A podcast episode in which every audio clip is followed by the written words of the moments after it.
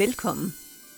Du skal nu høre en af mange fortællinger om herregårdenes historie og deres omkringliggende landskab og kulturmiljø. Fortællingerne er udarbejdet af Gammel Estrup, Danmarks Herregårdsmuseum og Dansk Center for Herregårdsforskning. Gå på opdagelse i herregårdsfortællingerne og meget mere på danskeherregård.dk. Fortællingerne kan høres via hjemmesiden eller via din foretrukne podcasttjeneste. Denne fortælling er en introduktion til et emne, der knytter sig til de danske herregårde og kan høres før, under og efter en tur ud i dit lokale herregårdslandskab. God fornøjelse. Herskabet i landskabet.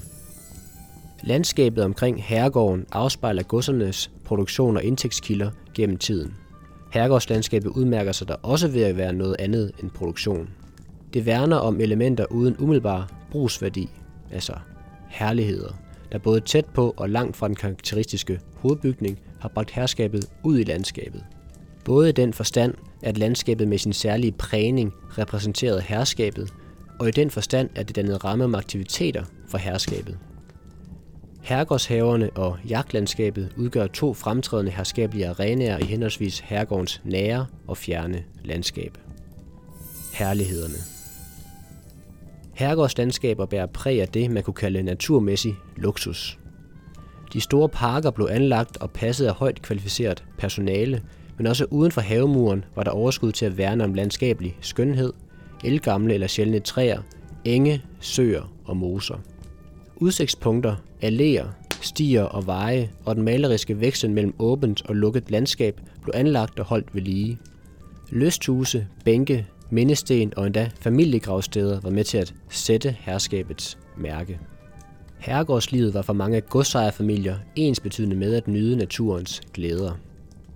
Mens vintersæsonen for mange vedkommende blev tilbragt i København, blev forårs- og sommerlivet udfoldet i herregårdslandskabet. Det var et landskab, der i rigt mål indbød til ride og spacereture, udflugter i vogn til seværdige udflugtsmål sammen med sommerens gæster, fisketure eller eftermiddagste i det grønne. Efteråret var jagtsæson, og også her bød herregårdens landskab på alt, hvad hjertet måtte begære. For de familier, der tilbragte vinteren på herregården, hørte mere jagt, kaneture og skøjteture blandt fornøjelserne. Landskabet tjente altså på mange måder til herskabets glæde. Men herskabet indtog også en rolle i landskabet. De og deres gæster var synlige og magtfuldt til skue, når de bevægede sig i det, til fods, til hest i haver, over marker og gennem lange alléer i pragtige vogne med firspand, kusk og tjener. Herregårdens have. I hovedbygningens nærhed lå og ligger herregårdens have. I samspil med det store hus udgjorde den et herskabeligt rum, hvor herregårdens ejere og deres gæster kunne færdes under passende omstændigheder, alene eller i samvær med hinanden, til fornøjelse og i repræsentativt øje med. Herregårdshaverne leverede dog ikke bare en æstetisk baggrund for og rum til den herskabelige livsstil, men også f.eks. eksotiske og fremdrevne frugter og grøntsager til at understøtte forbruget forbundet med livsstilen. Renaissancens etablering af haver, der under sirlig orden gav rum til ikke bare nytteplanter, men efterhånden også til prydplanter, stier, gange og lysthuse, bærer vidnesbyrd om ophold i herregårdens have som en herskabelig beskæftigelse – den peger også på, at Herregårdshaven havde udviklet sig til et arbejdsrum for mange og specialiserede ansatte. Begge dele gjorde sig ikke mindre gældende med opkomsten af den styrede, aksefaste og symmetrisk anlagte barokhave fra det sene 1600-tal og frem. Det var haver, der spillede godt sammen med indevældens adels bestræbelser på at markere status i tidens stramt hierarkisk opbyggede magtstruktur. Have og hovedbygning, ganske ofte hele anlægget, inklusiv avlsgården, indgik et æstetisk kontrolleret hele og afspejlede herskabets pragt og magt, også når de ikke var til stede. Haven var på mange måder hovedbygningens forlængede rum og gav rig mulighed for promenade, ophold i lysthuse, tepavillon osv. Aktiviteter, som udover at tjene til adspredelse, også præsenterede elitefamiliernes eksklusive forbrug af tilsyneladende fri tid. De romantiske, landskabelige haver der fra slutningen af 1700-årene blev introduceret efter engelsk inspiration og gik sejrsgang over de danske herregårdsparker, gav herskabet mulighed for at gå på opdagelse og opleve forskellige sindstemninger i egen have.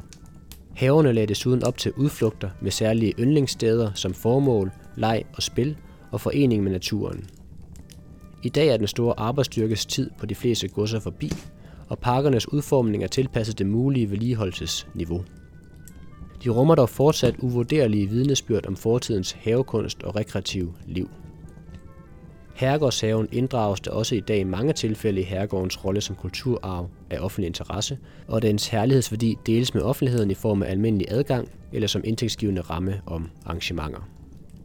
Herregårdsjagt En anden velkendt arena for herskabelig anvendelse af landskabet er jagt. Herregårdsjagten har til alle tider bragt herskabet, dets gæster og ansatte, ud i den del af herregårdens landskab, der lå fjerner fra hovedbygningen og den herskabelige kerne. Dels satte jagten sit præg på naturen med udviklingen af vildpleje, dyrehaver i jagthegn, jagtstier, jagtrevier, boliger til jagtpersonale osv. Dels placerede den konkret herskabet i landskabet under højt synlige, magtfulde og storslåede omstændigheder. I nogle tilfælde som f.eks.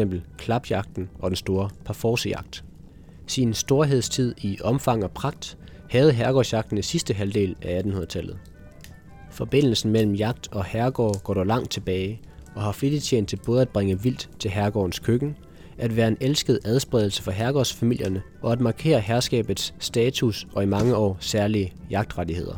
Jagten er også i dag af væsentlig betydning for godserne som en særlig tradition og som økonomisk faktor.